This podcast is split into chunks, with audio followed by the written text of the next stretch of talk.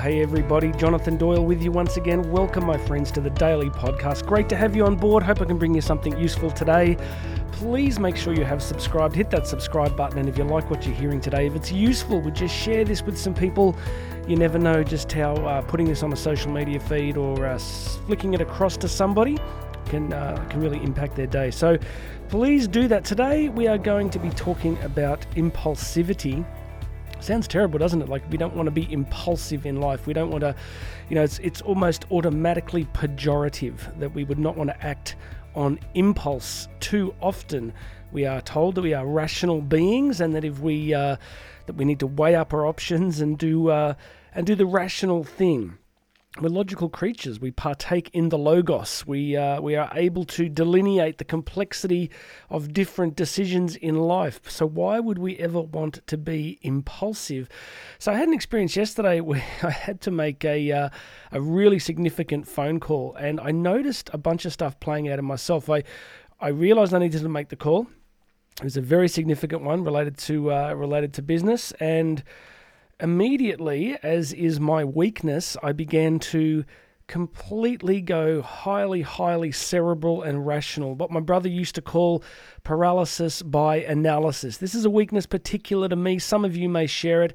I'm not as bad as I was. I think I'm, uh, I'm as I get older, I'm sort of doing this less. But immediately I begin to think through every possible permutation of how this call might go, what the ramifications of it would be, and please don't freak out. It was nothing, you know, world shattering. It was just an important business call that had to be made.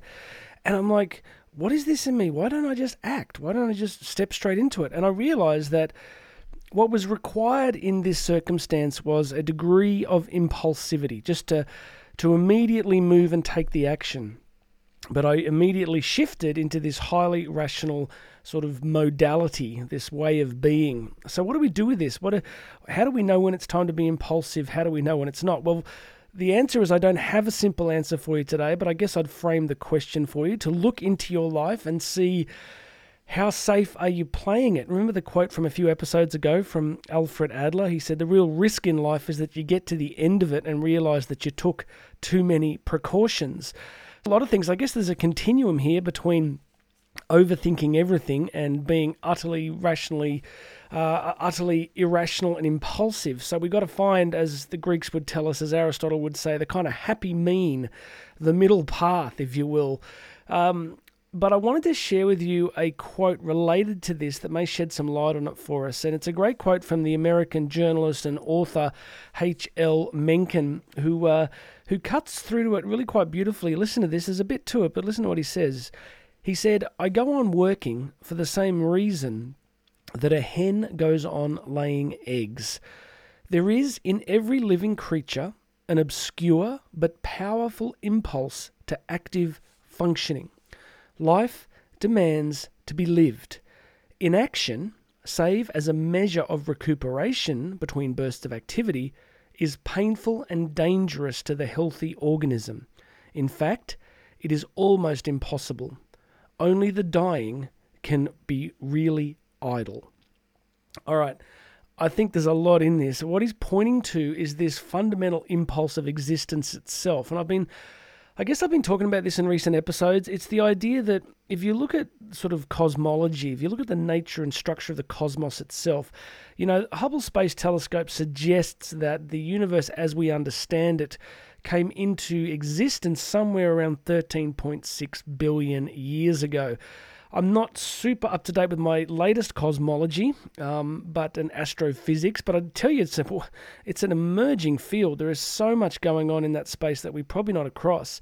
But one of the things that you've probably heard over recent years is that the cosmos, as we know it, is continuing to expand. It's still moving.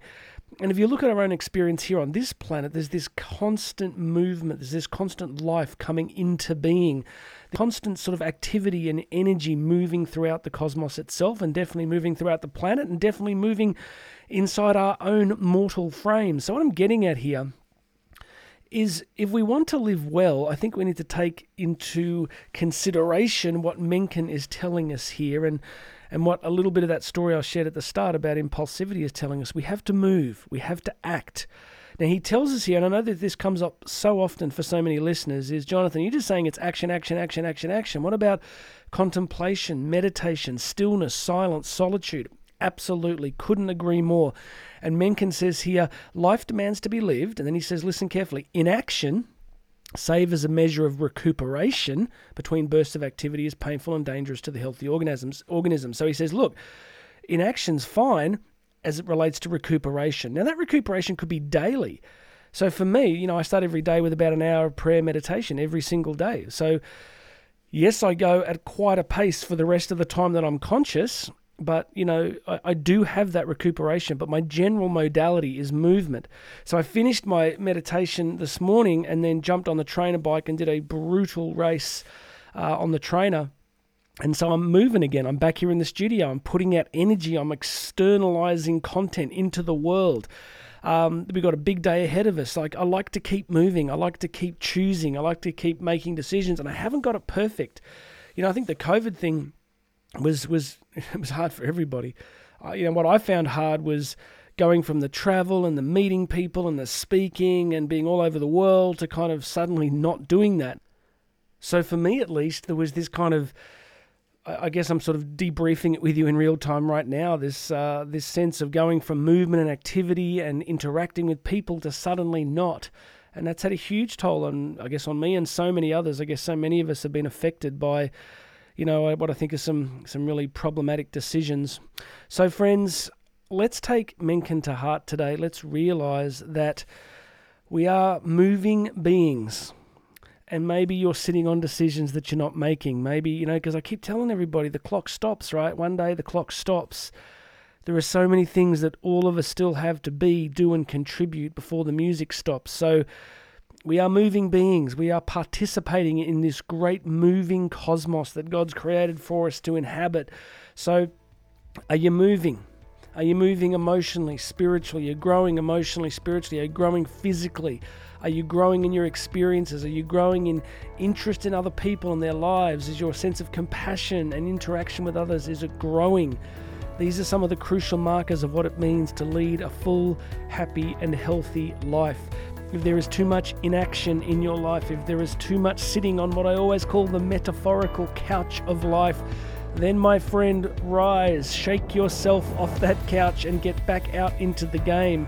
We are here to live, we are here to contribute, we are here to make other people's suffering somewhat less in any way that we can. So let's get back out there amongst it. Please make sure you've subscribed. Hit that big subscribe button and go and check out the show notes. You can book me to speak. There's a whole bunch of other links there.